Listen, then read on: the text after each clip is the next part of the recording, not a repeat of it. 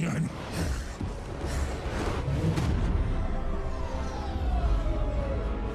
Oke.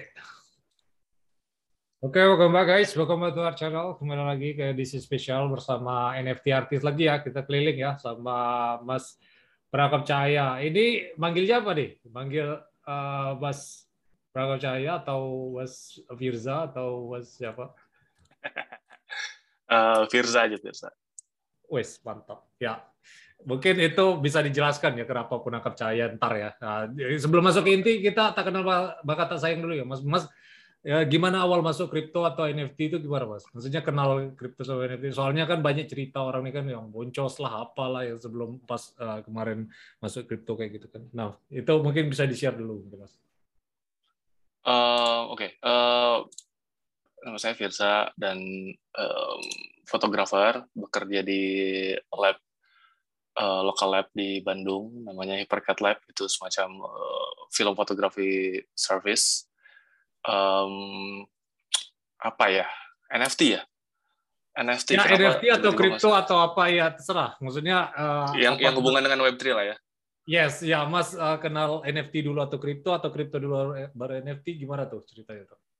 Actually kripto dulu karena waktu gue uh, Mas Ibe pasti ingat uh, 2019 itu kita awal-awal COVID um, seakan-akan semua orang itu mencari cara untuk bisa dapat duit dengan cara diem di rumah kan. And yeah. then uh, ada kripto, ada ada ada banyak lah, ada yang jualan makanan lah, ada yang jual minuman lah dengan Gojeknya lah dengan apa pun gitu. And then gue ketemu dengan kripto uh, tuh di situ uh, masih trading, jadi beli harga serendah-rendahnya, jual setinggi-tingginya, something like that lah 2019 tuh. Tapi sebenarnya bukan modal yang kan modal kayak orang-orang yang bisa mulai itu langsung 5 juta gitu atau misalnya itu kecil sih. Misalnya modal kayak 10 juta, 20 juta yang yang di atas 10 juta lah. Gue beneran kayak modal kayak 150 ribu karena gue takut kan. Ya. Uh, jadi jadi dulu tuh awalnya main kripto justru ketika gue karantin diem di di kosan dulu belum nikah 2019 jadi karena gue diem di kosan uh, lama terus bingung harus ngapain. Kerja juga jadi yang biasanya tiap hari jadi cuma seminggu satu atau dua kali. So gue nggak punya cukup uang lah untuk untuk untuk uh, hidup kalau misalnya gue nggak nggak doing something. Nah, makanya gue coba kripto gue coba beli. Terus uh, dulu masih kayak orang apa ya gini loh masih yang yang naik dikit jual tiba-tiba yeah. dia turun dikit beli lagi. Anak-anak baru lah ya anak-anak baru. Uh, belajar trading. Tapi dari situ belajar sih. And then uh, learning oh crypto itu apa terus uh, digital itu apa dan lain-lain dan lain-lain. Sebenarnya awalnya dari situ. Nah ketemu NFT ya sejak November uh, Oktober Oktober tahun lalu. Yeah. Oktober tahun lalu uh, gue tahu OpenSea um, gue tahu Sandbox, gue tahu juga uh, ada beberapa platform-platform OG lah ya. yang gue temukan itu dari kripto. Jadi ngulik krip, lagi belajar kripto, tiba-tiba nemu NFT, NFT apaan ya? Terus tiba-tiba ya. ada gambar lah, ada foto lah, ada apa. Nah dari situ sebenarnya uh, Oktober gue minting di OpenSea, sampai sekarang masih ada. Gue minting 100 seperti biasa eksperimen karena gue nggak ngerti-ngerti ya, amat ya. ya. Jadi ya. tapi masih ada sampai sekarang foto gue yang di OpenSea yang pertama kali gue minting it's Wait. still there. Sebelum Gozali itu ya, Gozali kan awal-awal Januari ya. Uh, gue ya pokoknya gue Oktober lah. Seingat gue gue tuh Oktober. Oktober 2021. Wah, berarti ini juga ya, maksudnya OpenSea kan ya dikenal mahal kan, gas fee-nya tinggi. Mas ini apa uh, langsung OpenSea itu emang modal nekat atau apa? Soalnya kan ya Gozali oh, kemarin itu kan pakai Polygon ya kalau Gozali kan. Oh ya, oh ya. Anyway, gue juga pakai Polygon sebenarnya. Okay, nah, yeah. uh, kenapa gue gue sangat percaya diri waktu itu ke OpenSea kayak, ah, kayaknya gue mau jual foto deh. yeah. Sotoy banget sih. Uh-huh. Kayaknya gue mau jual foto deh di, di NFT gitu. Nah itu tuh uh, karena ngelihat ada uh, gas free kan. Kalau di OpenSea itu ada gas free. Yeah, nah, yeah. gas free-nya tuh ternyata pakai Polygon. Terus gue coba-coba, oh gratis ya. Emang ada, emang ada ya yang berbayar. Nah dari situ ngulik. Yeah. Jadi awalnya adalah nyari emang ada yang marketplace yang berbayar. Ya. Ya udah. Um, udah dari situ, actually dari situ um, mulainya. Jadi oh, ya. uh, Oktober 2021 dan sampai sekarang.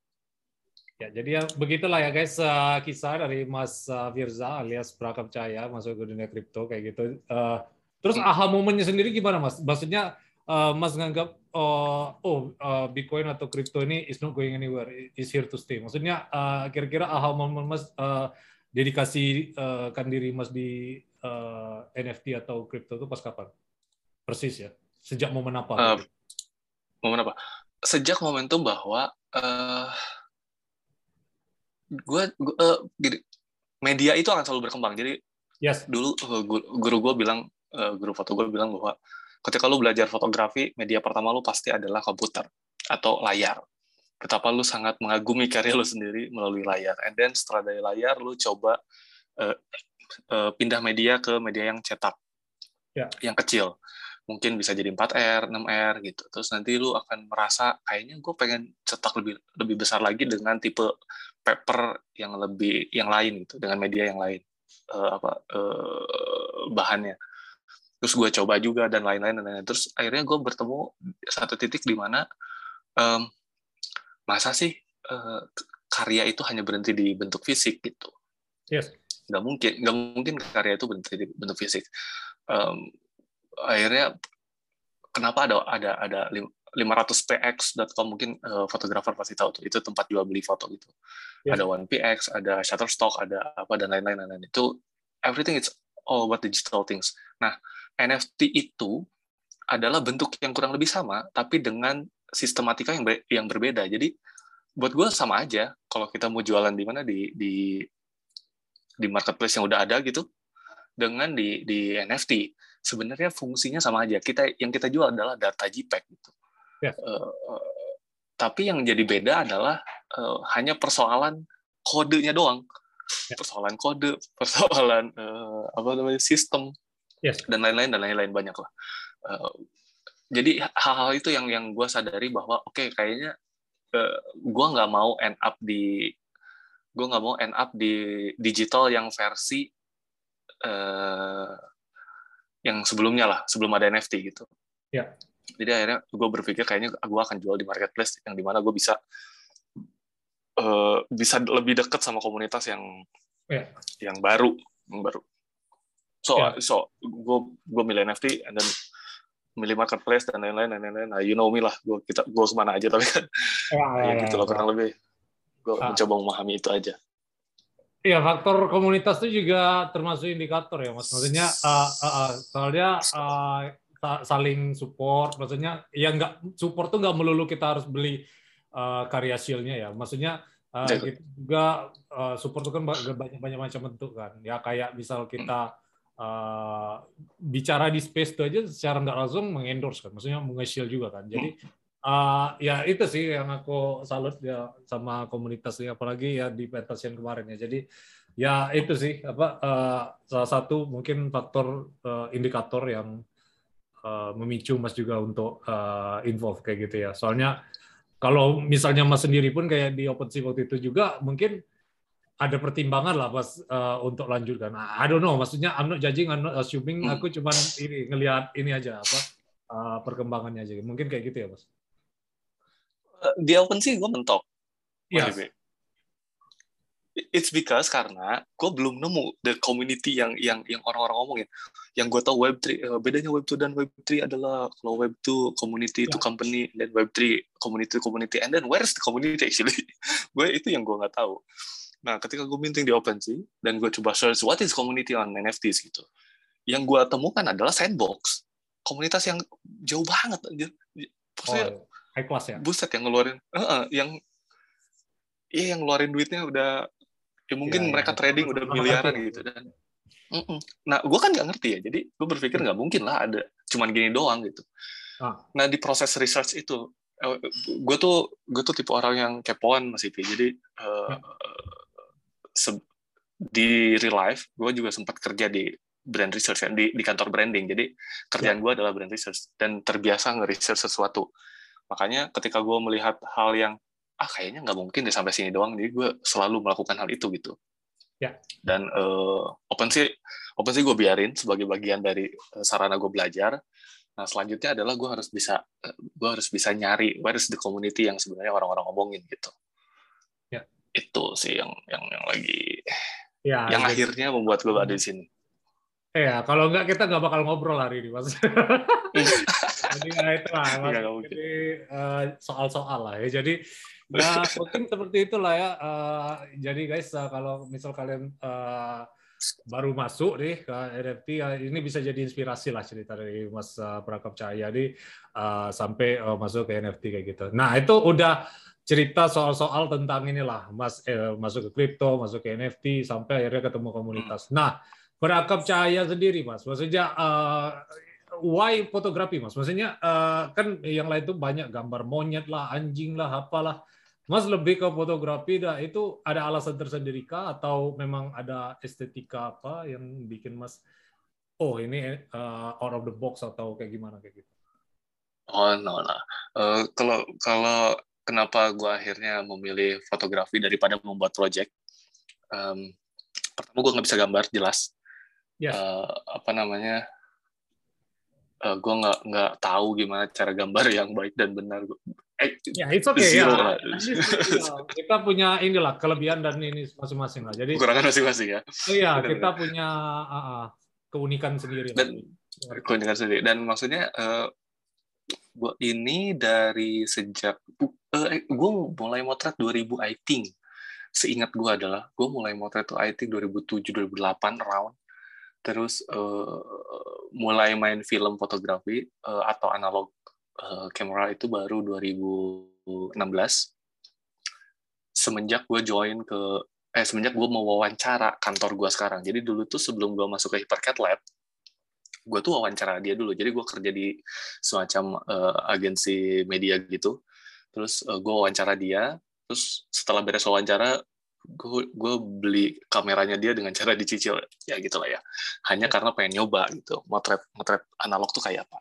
Dan eh, dari situ terlalu dalam, serius banget ternyata gue tuh kalau kalau udah excitement sampai akhirnya eh, kontrak gue sama media selesai.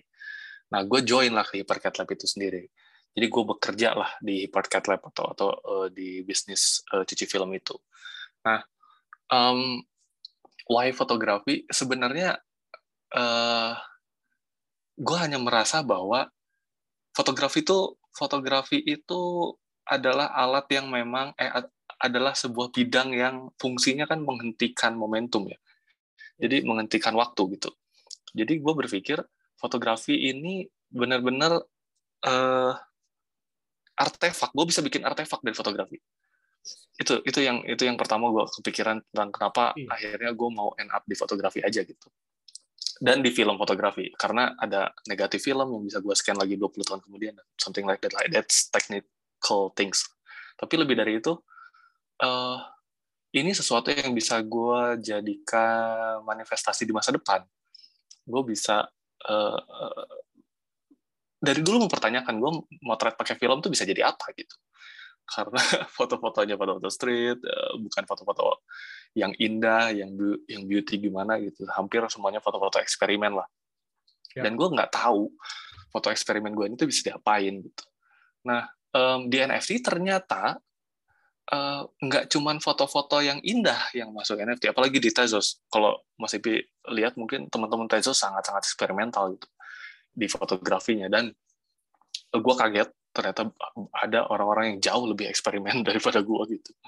Jadi eh, di situ gue ngerasa kayak oke, gue akan end up di di fotografi karena basic knowledge of fotografi adalah menangkap cahaya. Nah, itulah kenapa namanya penangkap cahaya.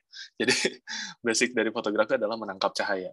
Nah, eh, dari menangkap cahaya itu eh, menghentikan waktu ataupun momentum dan membuat artefak supaya one day itu bisa gue lihat lagi di masa depan.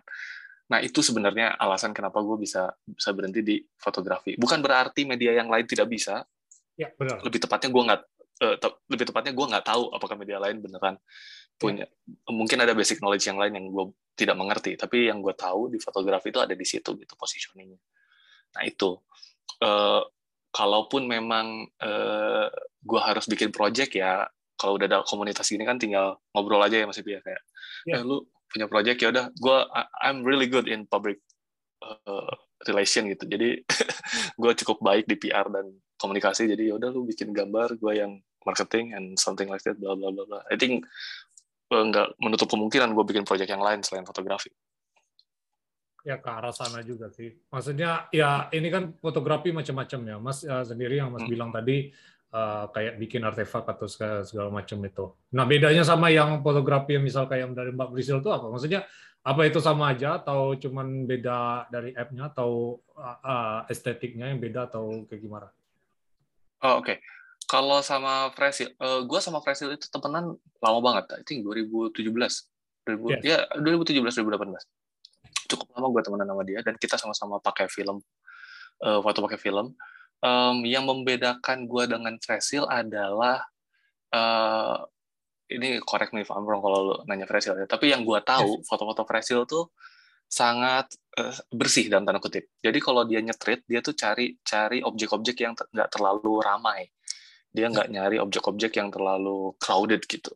Uh, Fresil tuh seneng yang kayak gitu-gitu. Sedangkan kalau gue tuh lebih ke arah uh, eksperimennya. Eksperimennya tuh misalnya um, gue pakai film apa, prosesnya diapain, ganti kimianya kah, ganti apanya lah, dan lain-lain kayak gitu-gitu. Jadi uh, kalau gue ada di teknis yang di teknis uh, belakang layarnya, nah kalau Fresi lebih ke uh, karena dia awalnya kan dia awalnya anak lomo tuh, ya. uh, apa uh, main foto uh, analognya di situ. Nah kalau gue emang basic awalnya adalah udah seneng dengan proses uh, proses be, uh, developing filmnya itu yang di lab itu. Jadi bedanya gue sama Fresil sih itu. Nah kebetulan ketika ketemu uh, eh, NFT ini, Fresil pakai uh, doodling sebagai bagian dari menambahkan value karyanya. Gitu. Oh, iya. Nah, nah kalau gue value karya gue itu bukan di bukan di penambahan uh, media atau penambahan atau cross media itu enggak.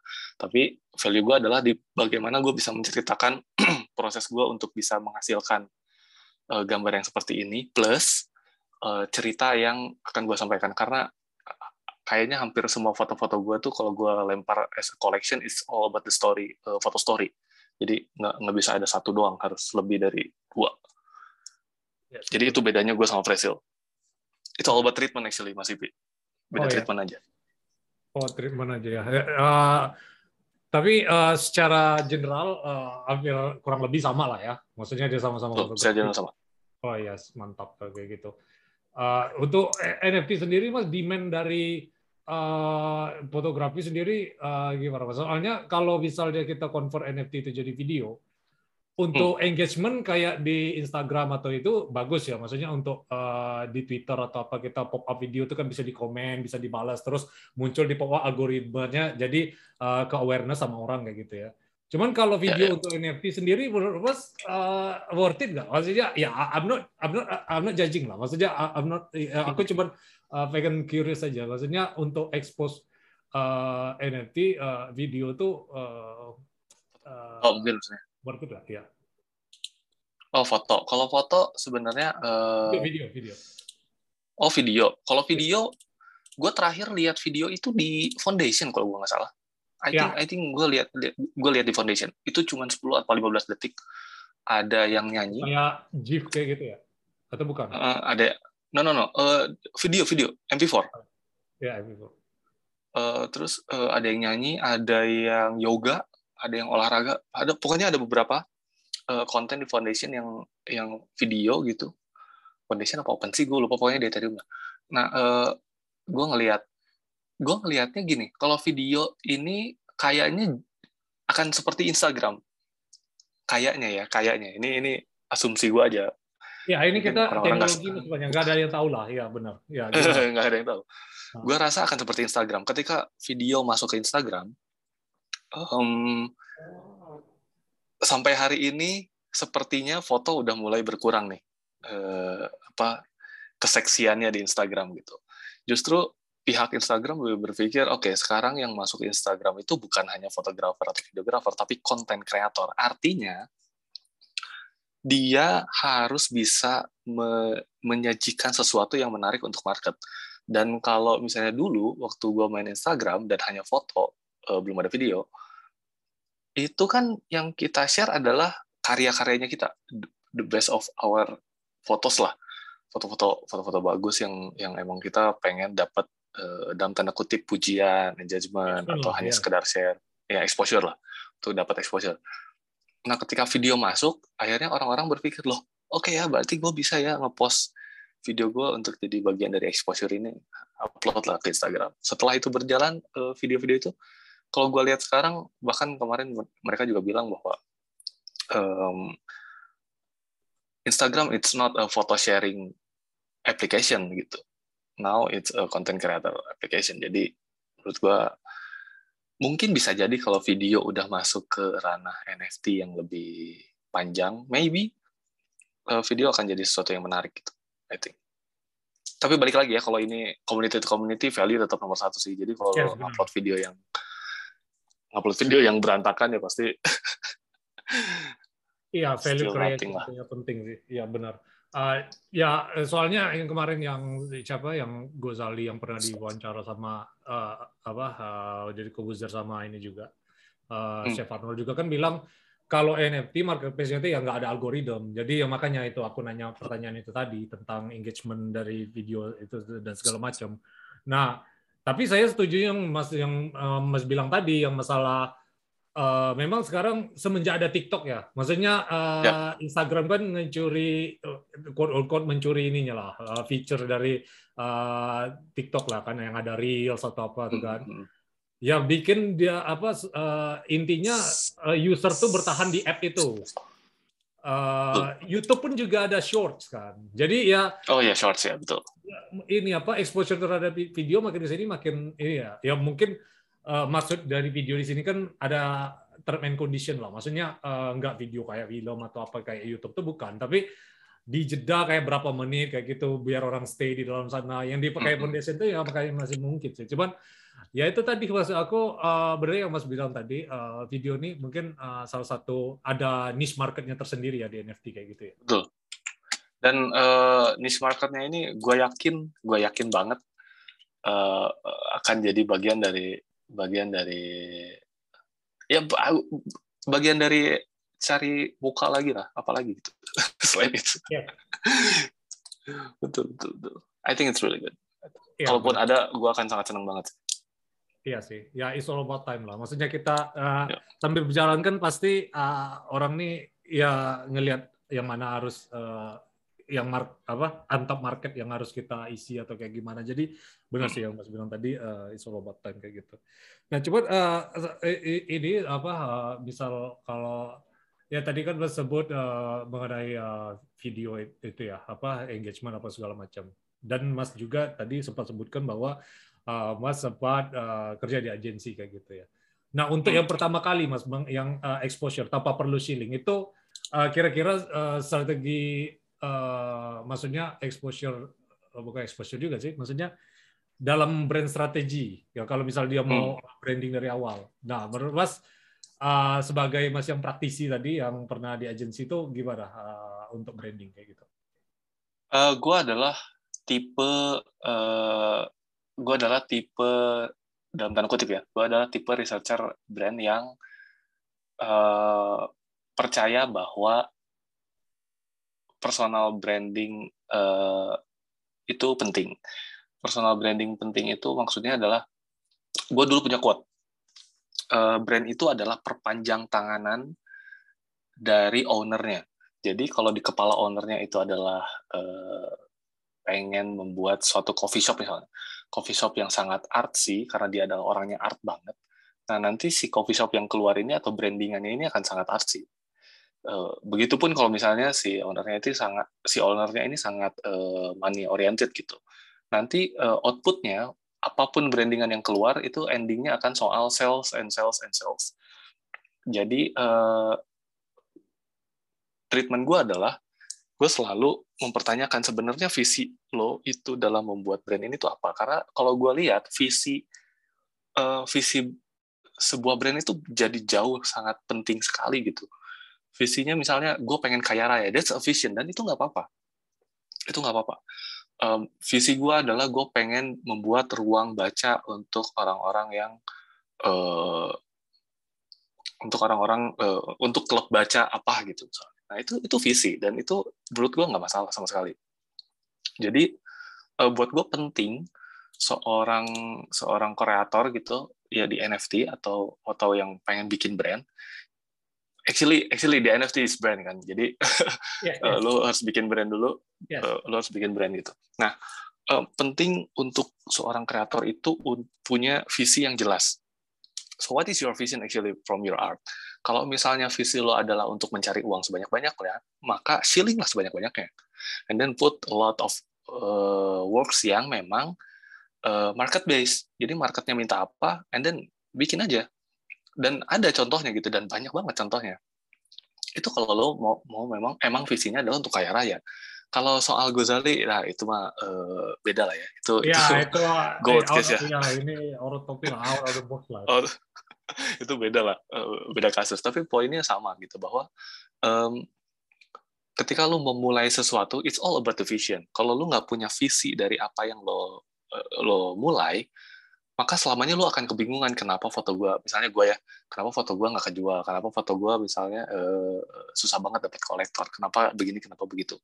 Dan sebenarnya gue pribadi pun ngerasa bahwa, oh kayak sekarang nih, foto gue udah nggak kejual, uh, I think a few weeks lah kecuali kalau yang ya, uh, kolaborasi kemarin ya itu nggak dihitung yeah. tapi maksudnya kalau foto gue sendiri nggak um, kejual karena akhirnya gue sadar bahwa um, gue menceritakan sesuatu atau gue menjelaskan sebuah visi yang orang-orang nggak mengerti. Orang-orang tuh nggak ngerti proses uh, gue cuci film, gue di lab, gue apa, gue apa, gue apa. Yeah. Jadi uh, mereka kebingungan uh, kenapa gue gua harus beli karya lu gitu. Nah, waktu gue diminta sama teman-teman uh, NFT fotografi Malaysia, jadi gue hari hari apa ya? Oh hari Sabtu ya kemarin. Hari Sabtu itu gue kemarin uh, bikin workshop di Discord-nya uh, fotografi Malaysia. Ya, uh, gue cerita bagaimana, uh, uh, uh, gue cerita gimana caranya gue mencuci film sampai akhirnya keluar gambar dari yang nggak ada gambar sampai keluar gambar. Ya. Dan mereka amazed bahwa oh the apa namanya the process really hard dan lo perlu kimia yang seperti ini seperti itu dan uh, butuh waktu yang cukup panjang dan lain-lain dan lain-lain. Nah, itu yang yang belum gua uh, apa? Itu yang belum gua sampaikan ke orang-orang gitu, ke market. Jadinya ya pasti akan kesulitan. Gimana caranya orang mau beli karyanya gua kalau nggak ngerti karyanya gua gitu. Kalau gue cuma bilang ya foto gue, foto gue bagus, ya masih banyak foto yang lebih bagus. Foto gue keren, masih banyak yang lebih keren gitu.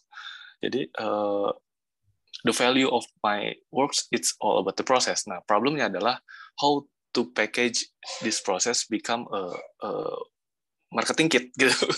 Ya, benar. gitu kan, Dan ya. itu punya strategi masing-masing lagi ya itu ya kalau marketing. Dan itu punya strategi masing-masing lagi. Jadi uh, gitu masih. Menurut gua ini soal persoalan uh, kalau lu memang merasa uh, project lu adalah sebuah brand, apalagi ya ketika lu mau mulai NFT sebagai sebuah brand, maka lu pertama lo harus punya visi, yang kedua adalah lo harus eh, orang-orang harus tahu sebenarnya visi lo ini tuh uh, uh, bisa tercapai atau enggak. Gimana cara ngasih taunya dengan memperlihatkan progres. So progres tuh penting gitu. Kayak we know uh, Cubit do yeah. a lot ya. of 3D something. Nah, yeah. itu progres dan buat yeah. gue itu adalah branding yang bagus gitu. Ah. Branding yang bagus. Jadi kitanya jadi ngerasa ketika anggaplah dia minting yang 3D gitu. Ya kan kita udah tahu prog apa namanya? perjuangannya kan ya. Uh, ya udah gue gue pasti beli karena gue tahu perjuangan yang something like itu jadi gue adalah tipe tipe brand research yang percaya bahwa visi dan proses itu harus dibagi supaya orang bisa paham kenapa uh, value-nya bisa ada di posisi uh, yang kita simpan di situ gitu. Ya, value-nya ada di value lah. Maksudnya ya yep. apa ya sama kayak UMKM lah, maksudnya value create value kan. Jadi kalau misal kita hmm. uh, tahu prosesnya, tahu uh, cara sealingnya dan hasilnya bagus, ya hmm. pasti uh, otomatis lah itu uh, market uh, ngasih value lah atas itu kan. Jadi uh, benar sih yang Mas bilang tadi. Uh, cuman ya. Oh, satu lagi, don't forget. Satu lagi, sorry sorry dipotong. Apa, uh, satu lagi adalah komunikasi, Mas Ipi. Ah, It's ya, all itu. about the communication. Komunikasi juga. iya benar-benar. Lu percaya nggak? Anjir gila sih.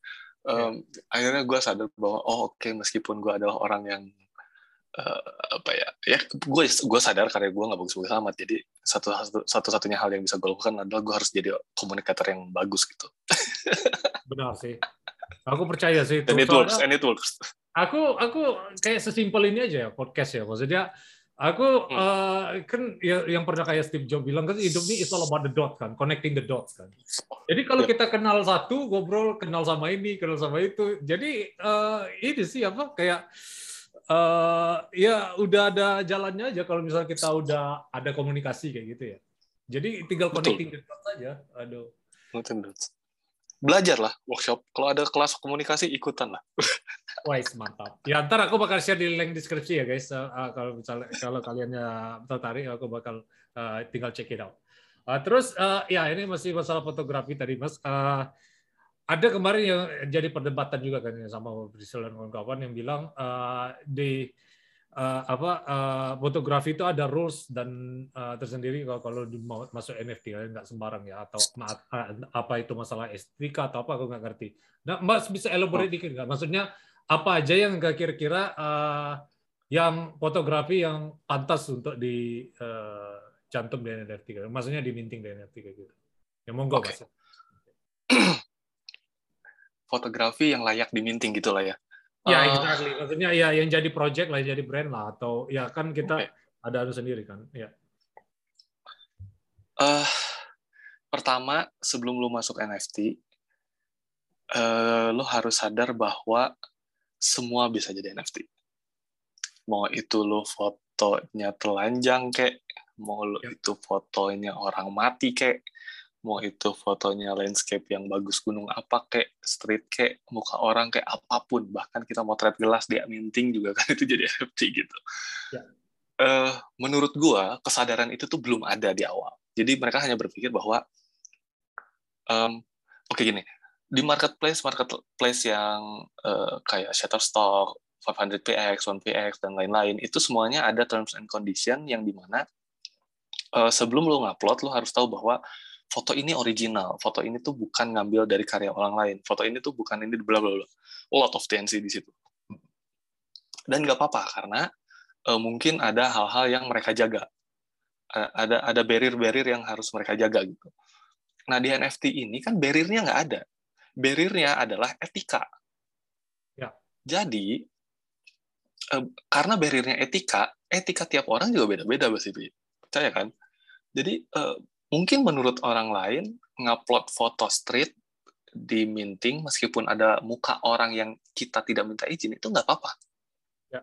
Tapi ada orang yang punya punya uh, prinsip etikanya adalah oh kalau gue sih nggak mau karena harusnya lu minta izin karena kalau gua kalau lu nggak minta izin bisa jadi lu disu gitu yes. atau apa digugat gitu. Nah tapi kan itu hanya itu itu di ethics problem saya ada di ethics. Nah maksud gue tuh gini, uh, kalau memang akhirnya problemnya di etik, berarti orang yang masuk NFT harusnya sudah sadar bahwa uh, basic knowledge teknis tentu harus ngerti. Lu harus belajar blockchain, Web3, what is it, NFTs, what is it, terus uh, news-nya apa gitu, dan lain-lain, dan lain-lain. Itu emang harus setiap hari lo, lo pelajari. Tapi lebih dari itu, lo harus udah siap mental. Karena di NFT ini nggak ada barrier-nya. Lo mau pakai barrier apa nggak ada gitu. Ya. Terus, uh, paling barrier utama apa? Copy minting. Menurut gue copy minting, oke gini, copy minting itu salah ketika memang kitanya dirugikan. Gitu. Tapi apakah copy minting itu secara uh, perspektif blockchain itu salah? Enggak dong.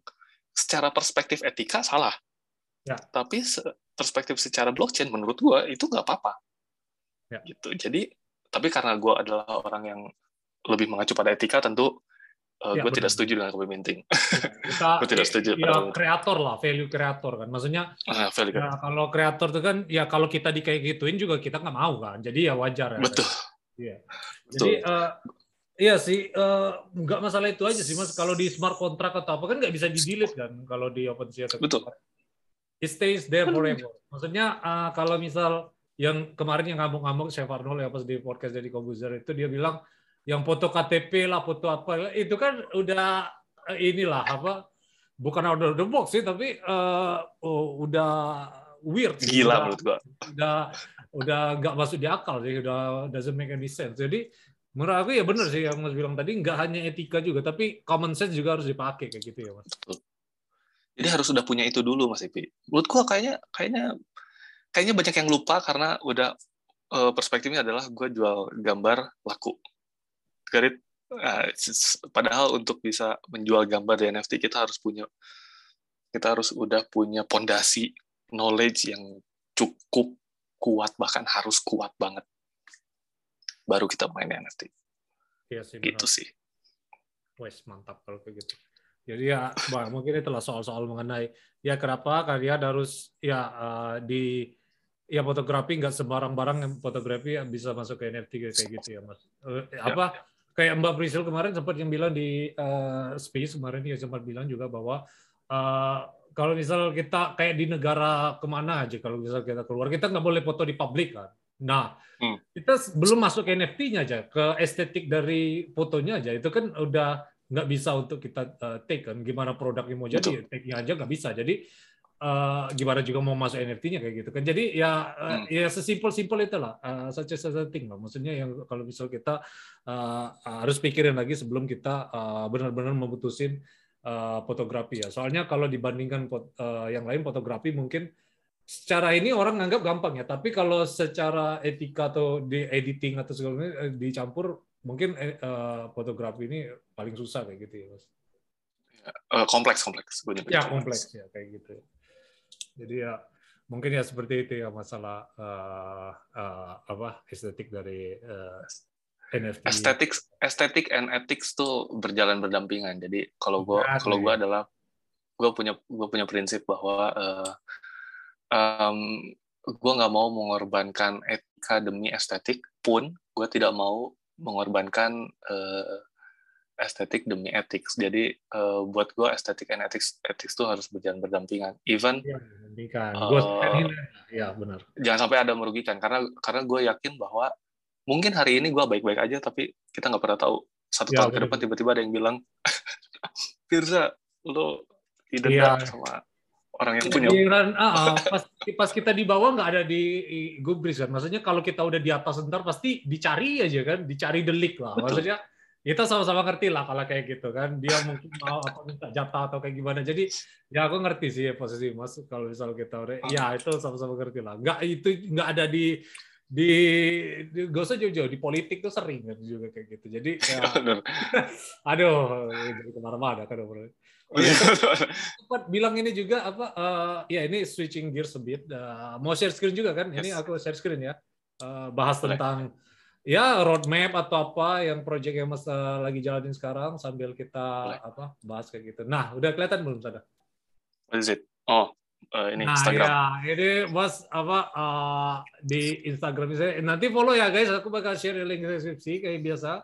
Uh, jadi uh, pure ya, benar ya. Di sini uh, apa uh, benar-benar karya Mas yang ini ya, apa uh, yang dijadikan NFT kayak gitu ya. Ini foto fotografi semua. Mungkin lihat di story NFT collection ini ya. Hmm, itu itu uh, karya-karya gue yang di ada yang di Tezos sama di Pentas. Ya, Jadi benar. dua blockchain. Um, gue gue lupa yang OpenSea pernah dimasukin ya kayaknya belum pernah. oh iya. Dan sebenarnya dan sebenarnya karya gue yang di Tezos yang pertama kali gue minting di Tezos ini sebenarnya karya yang bikin uh, pameran untuk uh, charity gitu.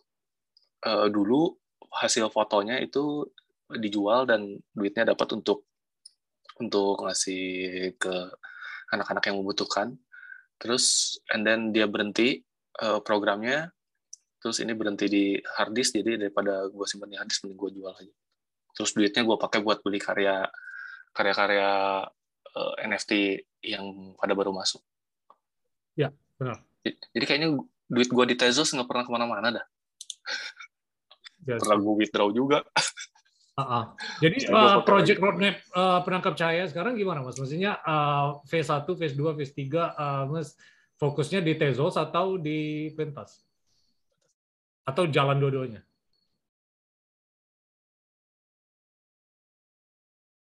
Halo? Eh, kalau misalnya lihat di AUJKT gitu ya di Tezos, um, hampir semua foto yang gue minting itu foto-foto yang memang punya satu keutuhan cerita yang sama. Jadi misalnya uh, gue ngupload yang Euphoria yang color uh, apa color concert archive gitu. Nah isinya adalah foto warna yang gue motret di konser. Nah itu yang akan akan terus gue jalanin karena gue seneng datang ke konser, gue seneng melihat interaksi dan hal-hal uh, yang ada di tempat konser dan lain-lain dan lain-lain gitu. Nah, uh, kalau yang di OBJKT juga ada namanya Fight, Fight for We Believe itu, itu ngomongin soal foto-foto um, yang touchable lah, dalam tanda kutip. Yang touchable, tapi dia secara teknis, warna, warnanya old school banget. Nah, sebenarnya hal-hal itu yang akan gue keluarkan di, di karya-karya gue di Tezos. Jadi, satu keutuhan cerita yang memang uh, nantinya akan jadi project panjang gitu. Berarti gue punya berarti gue punya tanggung jawab untuk terus membuat karya-karya yang berhubungan dengan collection-collection yang ada di uh, apa tuh di OBJKT. Gitu. Ya. Nah ini masih ada beberapa collection lagi yang bakal gue bikin. Eh, mungkin ada dua atau tiga eh, collection baru bulan depan. Jadi ya. gue akan bikinnya gitu. Nah kalau yang di pentas, nah yang di pentas ini tuh foto-foto atau karya-karya uh, yang dia uh, powerful powerful as a story. Jadi ya udah secara cerita dia powerful aja dan dan cantik aja gitu. Ya. Jadi um, kalau misalnya itu yang bedain di Tezos. Nah kalau yang di yang di pentas itu nggak ada nggak ada hasil eksperimen. Hasil eksperimennya gue lempar ke Tezos semua. Yang di uh, eh proses eksperimennya gue gue lempar ke Tezos. Hasil eksperimennya gue lempar ke pentas. Jadi itu bedanya. Dia nggak ada roadmap tentu uh, roadmapnya adalah eh gak ada roadmap yang resmi gitu yang gue nulis itu nggak ada tapi yeah. uh, kalau di pentas kayak sekarang gue lagi bikin Karim Collection namanya itu yang uh, gue coba bikin utility nanti 30% dari sales akan gue kasih ke ya zakat dan teman-temannya di yes. hari lebaran nanti untuk dan holder yang untuk holder nah nanti yang yang uh, Beyond the Sea ada satu lagi itu holdernya akan dapat printed versionnya. Jadi kayaknya di pentas akan main begituan aja. Sedangkan kalau di Tezos tentu roadmapnya adalah beli karya anak-anak aja gitu yang lain.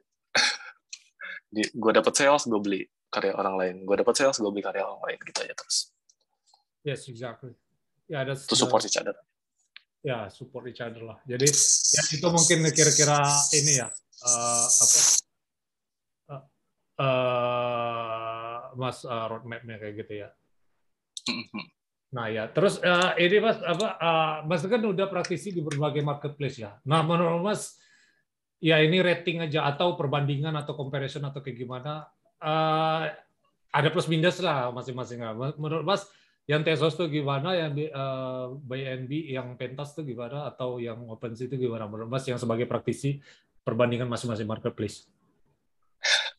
gue bukan praktisi, men. Kebetulan ya, maksudnya pernah mencoba lah kan? Ya mencoba itu kan mencoba. Bukannya, bener kan? Bener-bener uh, OpenSea itu gue bikin analogi deh. OpenSea itu samudra gede banget. Sorry. Ya. itu OpenSea itu samudra banget. Jadi ketika lu dive in ke sana lu nggak pernah tahu endingnya tuh ada di mana saking gedenya terus uh, lu nggak pernah tahu lu akan menemukan apa gitu yang namanya samudra kan sangat-sangat raw ya. Jadi uh, luas banget. Kalau lu kalau lu nggak segede, kalau lu nggak gede-gede amat atau lu nggak terkenal-terkenal amat atau lu nggak punya sistematika bisnis dan marketing yang baik, lu nggak akan jadi apa-apa di OpenSea. Itu yang gue sadari ya. Uh, disclaimer dulu, itu yang gue sadari. nah, kalau di Tezos, uh, itu tuh analoginya kayak lu masuk ruangan yang uh, kayak kayak ini kayak kayak kayak lab. Jadi lu eksperimental di situ ada ada karya-karya yang aja kok bisa ya bikin karya kayak gini? Eh kok bisa ya ada ada benda kayak gini? Gitu. Oh ada ada karya yang uh, diginiin digituin dan lain-lain gitu. Sangat ya. sangat sangat sangat uh, beda gitu. Dan gue ngerasa di Tazos ini nyaman. Oh ya oh ya gue nyaman di Tazos karena uh, orang Indonesia yang baru mulai NFT mereka mulainya di Tezos itu pertama. Jadi uh, komunitasnya kuat banget yang di Tesos ini, apalagi di Indonesia gitu.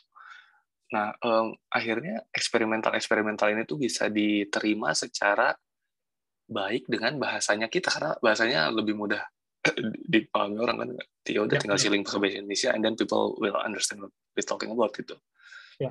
meskipun di Tezos ada beberapa eh, ada banyak eh, kreator dari luar Indonesia yang menurut gue juga keren-keren tapi tetap aja isinya eh, gue sih sepengetahuan gue isinya lebih banyak yang eksperimental eksperimental yang hidden gem hidden hidden gem hidden gem tuh adanya di Tezos buat gue tuh Exactly. Nah kalau kalau pentas, pentas tuh kayak eh, Pulau Seribu analoginya. Jadi kayak Oh, ada ada syarat verify lah kan seribu minimal follower kan. eh, iya benar Eh, apa eh, k- jadi lu kalau pentas tuh komunitasnya masih kecil. Ya. Eh, komunitasnya masih kecil, eh, masih early banget. Justru semua orang yang masuk ke pentas sekarang adalah eh, early creator banget, early betul. collector juga. Jadi masih bisa growth. Nah, gue pengen menikmati momen sebagai early creator di Ya benar. sebuah platform gitu. Nah, kebetulan platform yang gue masukin pentas. Nah, itu yang ngajak juga Fresil waktu itu. Iya. Jadi eh, ini masih grow, ini baru dan lain-lain dan lain-lain. Iya. Em, kelebihan kekurangannya tentu kita semua tahu OpenSea eh, OG marketplace gitu. Em, Tezos mungkin underrated tapi karyanya juga bagus-bagus banget semuanya. Em, Pentas karena komunitasnya kecil jadi eh, kuping kita tuh kadang dengar hal-hal yang sebenarnya nggak perlu kita tahu-tahu amat lah soal komunitasnya seperti apa. Jadi ya problemnya cuma di di hal-hal itu. But eh, eh, lu mau pakai blockchain apa pun, it's all about the your art and your marketing stuff Ya, lah. itu. ya terlepas dari market apa pun marketplace-nya. Ya, ya benar sih kalau Hmm. kan masih baru unfair advantage ya. Maksudnya kalau misal kita kayak early adopter, kalau misal ya kayak Twitter awal-awal, YouTube awal-awal, eh, Instagram awal-awal lah. Jadi kalau misal kita create konten terus, eh, tiba-tiba udah booming, meledak, konten kita udah eh, dapat attention seeking kan dari orang lain. Jadi benar sih yang Mas bilang eh, kita harus eh, apa? eh, emang ada resikonya ya eh, kalau misal jadi adopter. Pasti semua tuh ada risikonya. Justru kalau nggak ada risiko yang jual angin surga itu cuma lah bodong kan. Jadi eh, ya itulah yang aku eh, pikir Mas eh, benar sih yang Mas bilang tadi bahwa eh, early adopter tuh berbanding lurus dengan risk to reward ratio-nya ya kayak gitu ya Mas. Masih Ya, belajar terus- juga sih sekarang. Ah, iya benar. Nah, terus terakhir nih Mas, ada podcast juga Oke. nih Mas ya ternyata ya. Mungkin bisa dielaborate dikit, maksudnya apakah ini berhubungan sama NFT Mas atau ini sisi lain dari penangkap cahaya itu sendiri? Jadi gini Mas Ipi, saya tuh kan berfotografi tiap hari eh, nyuci film sehari bisa 20 roll. Oke. Ya. Gitu setiap gue nyuci film. Jadi so I'm, sometimes I'm so tired gitu liatin gambar foto eh, dari film. Jadi eh, gue berpikir kayaknya gue harus liburan otak gue gitu supaya nggak teknis-teknis amat. Eh, akhirnya gue bikin podcast. Namanya podcast penangkap cahaya. Itu actually yang diwawancara eh, hampir semuanya adalah fotografer ataupun praktisi ataupun dosen. Ada dosen fotografi juga. Ada seniman juga. Tapi eh, perspektifnya adalah fotografi. Hanya sebetulnya yang dibahas itu bukan cuman eh bukan teknis fotografinya. Jadi yang dibahas tuh misalnya kayak sama dosen fotografi gitu pertanyaan gue dari awal jelas bahwa gue nanya emang sekolah foto tuh penting ya? Kenapa kenapa gue harus sekolah foto sementara gue bisa belajar fotografi di YouTube? Nah itu dibahas secara panjang tuh. Itu menarik banget. And then ada juga kayak misalnya eh, berfotografi ataupun berkarya fotografinya untuk eh, healing eh, mental mental problems gitu. Jadi eh, ada juga yang membahas soal itu di situ. So podcast penangkap cahaya adalah podcast tentang fotografi yang mengungkap sisi lain dari fotografi gitu. Dengan para seniman dan juga fotografer. Something like that lah. Cuman ya apa eh, anu apa eh, kisaran dari eh, apa sekitar dari ini ya eh, pembicaraan hanya mengenai fotografi kayak gitu ya mas. Nggak melulu NFT atau kayak gimana kayak gitu ya tapi yang dengar justru mereka yang bukan fotografer eh fotografer ya benar ya namanya belajar kan kita justru ini ya kadang ya maksudnya uh, yang yang Mas bilang tadi awal tadi, maksudnya how can you know uh, what you don't know. Jadi uh, yeah. belajar sesuatu dari hal yang tidak tahu kita. Gitu. Karena semuanya orang pun awalnya dari nol kan, dari ketidaktahuan. Bagaimana kita tahu suatu hal yang kita tidak tahu. Jadi ya kayak kayak gitulah. Jadi uh, benar sih yang Mas bilang tadi, uh, audiensnya pun juga nggak melulu tentang fotografi kayak gitu ya mungkin. Hmm. Kaget sih gue sebenarnya. ya. Dalam hal apa? Uh, kaget tuh kayak misalnya uh, ada, ada dulu waktu gue lagi aktif-aktifnya banget bikin podcast ini, ada yang DM ke Instagram bahwa halo mas saya menikmati uh, obrolannya meskipun saya nggak ngerti fotografi terus gue nanya kenapa didengerin ya karena uh, pembahasannya justru uh, behind the the fotonya. Jadi misalnya uh, apa sih yang menjadikan karya lo seperti ini? Oh, justru hal-hal itu yang yang mereka kejar hal gitu. fundamental lah ya. Ya benar. Ya fundamental fundamental. Dan menurut gue maksudnya gue nggak punya visi ke sana sebenarnya. Kan judulnya untuk gue belajar dan gue rekam. Gue iya. upload yeah. supaya siapa tahu ada yang butuh ya lu dengerin aja gitu. Tapi kalau misalnya nggak butuh juga nggak apa-apa toh buat gue sendiri yeah. gitu terus ada ada feedback kayak gitu jadi oh, oke okay, sepertinya saya harus semangat sampai akhirnya gue berhenti.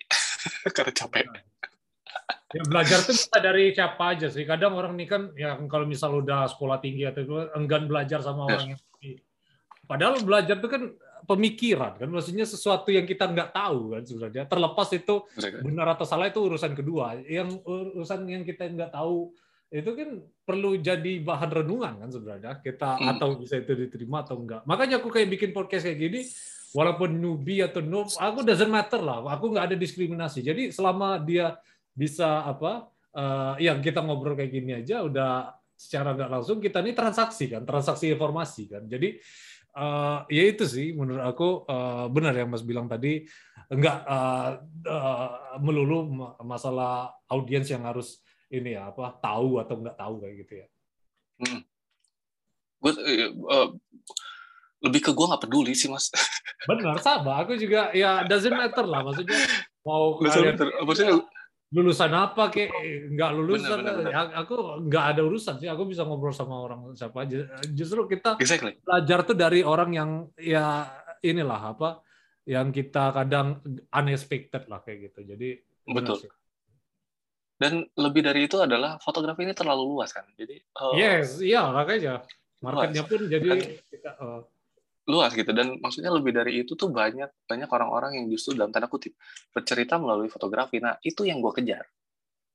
Yeah. itu yang gue kejar. Uh, oke okay, what story actually you want to tell to us gitu from your photograph jadi hal-hal itu yang mungkin kita nggak pernah tahu kenapa kenapa foto-fotonya kayak gini semua ya? Atau kenapa karyanya begini semua ya kan jadi pertanyaan ya, ya gue menikmati fotonya karena gue suka. Tapi lebih dari itu kalau suka doang lah ya udah oh bagus and then skip. Tapi ini ada ada suka yang tatar gue gue gue mau tahu dulu ini sebenarnya uh, background story-nya apa ya. Nah hal itu yang sebenarnya pengen gue ulik. Ya. Jadi, tapi kadang seni juga unexplainable, mas. Maksudnya ya justru ya itulah eh, dituangkan di karya seni kan. Gara-gara itulah, gara-gara kita nggak tahu alasannya apa, justru kita tuangkan itu dalam karya seni kan. Karena memang ya, ya itu ya, fundamentalnya seni itu memang nggak Uh, kadang kita nggak bisa jelaskan itu apa, makanya kita tuangkan dalam seni kan. Jadi ya benar sih yang aku uh, apa yang Mas bilang tadi uh, kita apa masalah fundamental itu sih balik balik lagi sih benar. Dan dan gue sadar bahwa ketika ketika gue nggak bisa anggaplah yang tadi lo bilang uh, kadang ada ada karya-karya seni yang tidak bisa dijelaskan gitu. Oh tentu bahkan gue pernah wawancara dan orangnya cuma bilang nggak tahu saya suka aja. Bayangin gue tiga tiga puluh menit eh dua puluh menit pertama jawaban dia cuma itu doang. Yes. oh nggak tahu mas saya sih senang aja. Nggak tahu saya sih senang aja. Jadi kan gue yeah. bingung ya. Akhirnya uh, yang gue ulik justru perspektif yang lain. Oke okay, gue geser ke sekolah. Gue geser ke buku yang dia suka. Gue geser ke musik yang dia suka. Gue geser lagi ke ke apa tuh ke sedikit privat misalnya background family background pendidikan dan lain-lain dan lain-lain. Jadi um, cara wawancara gue adalah bukan ke atas mencapai tujuan gue, tapi gimana caranya gue bisa spread dan ngebuka ngebuka banyak kesempatan dengan pembahasan-pembahasan yang lain gitu. Jadi ya ya mungkin 20 menit pertama dia jawab kayak gitu, tapi setelah akhirnya gue coba switch dan gue coba masuk ke dunianya dia jadinya dua jam setengah itu ada ya, ada kayak ya bener lah. Maksudnya karena kita nggak bisa explainable yang kita bisa telusuri ya ini sih ini sih kayak consumer journey-nya sih. Yang hmm. kalau mesti yang dari uh, versi dari brandnya uh, branding kayak gitu ya mungkin ya paling ya customer journey. Aduh bahasanya teknis banget customer journey. Ya soalnya dulu aku juga ini mas digital marketing dulu aku sebelum oh, iya, masuk iya, iya, iya. jadi aku ngerti lah ya kayak gitu audience atau bahkan audience terus upper funnel, lower funnel. Jadi aku ngerti sih yang kayak gitu. Cuman ya itu kalau apa kita bahas itu bakal ini sih 9 SKS kayaknya. Iya benar. Jangan jangan jangan. Nanti lama-lama kita bikin agensi lagi. Iya benar. Ya itu bisa jadi sih uh, startup agensi NFT Web3 apa kayak gitu kan bisa jadi sih. Ih, keren banget, keren banget. Wes, mantap. Nah ya itu uh, ini ya mas, uh, maybe that's it uh, for today. Uh, sebelum aku tutup ini, uh, Bitcoin prediction. Maksudnya uh, ini just for fun financial advice. Menurut Mas, Bitcoin atau Ethereum atau BNB bakal ke arah mana nih? Maksudnya ini cuma just for fun lah. Aku tiap kali uh, ending tuh pasti pertanyaannya kayak gini. Soalnya kalau di awal seolah-olah kita ini kan apa? Uh, ya non financial advice lah. Kalau non financial advice kan ditaruhnya di akhir kan. Jadi untuk hiburan aja. Menurut Mas gimana nih? Oke okay, guys, gue nggak ngerti sama sekali soal koin ini dibawa ke mana. Iya iya, ini just for fun. Maksudnya ini masih bakal naik lagi atau turun, atau gimana? Ya ini just for fun lah. Um, kalau koinnya itu dipakai, ini ini not uh, financial advice lagi ya. Kalau koinnya digunakan sebagai mata uang untuk jual beli NFT, growth-nya akan cepat. Kenapa? Karena banyak banget sekarang yang baru mulai NFT, banyak banget gila gue tiap hari nemu yang baru 10 kali gitu di timeline gue. Uh, banyak banget. Tapi kalau koin-koin yang bukan jadi mata uang NFT I don't know itu semuanya tergantung tweetnya dari Elon Musk. Dan Mas. tergantung bagaimana akhirnya dunia mengikuti Amerika untuk take the eh, ambil taxes from the uh, apa uh, cryptocurrency gitu. Kalau misalnya kayak Amerika mau ngambil pajak dari cryptocurrency I think it will be hard pak gue nggak tahu nggak ngerti ya tapi gitulah that's what I'm thinking kayaknya gitu kayaknya Iya, aku ya kalau misal di kripto ini kan ya kalau Bitcoin anjlok semua anjlok kan. Kalau Bitcoin naik semua naik. Yes. Jadi ya masih ngikutin alur Bitcoin sih. Aku nggak tahu ya maksudnya di in the future kayak gimana. Jadi uh, ya karena koin yang lain pun kalau misalnya kita apa yang kayak Mas tadi bilang yang NFT kayak Ethereum atau BNB itu kan smart contract semua kan. Nah, tapi oh. yang jadi permasalahan kita nggak tahu supply-nya ada berapa kan. Walaupun oh. banyak demand-nya kan kalau supply-nya unlimited juga kan uh, masih bisa terpenuhi demand-nya. Beda sama kalau Bitcoin ini udah hard coded, maksudnya udah hard cap uh, supply-nya 21 juta, di sirkulasi udah 18 juta. Jadi demand-nya sama aja atau demand-nya berkurang dari empat uh, tahun kemudian kan ada halving namanya itu kan uh, supply-nya tuh berkurang uh, selama uh, 50%. Jadi misalnya sekarang Bitcoin dalam sehari 45 Bitcoin Nah, itu setengahnya dari itu. Jadi uh, pas 4 tahun kemudian udah setengah dari itu suplainya. Jadi otomatis harga naik sih. Ya, hmm. Mas bilang tadi benar sih. Uh, kalau misalnya uh, hukum supply and demand lah, kalau demand banyak, supply dikit, otomatis harga naik ya.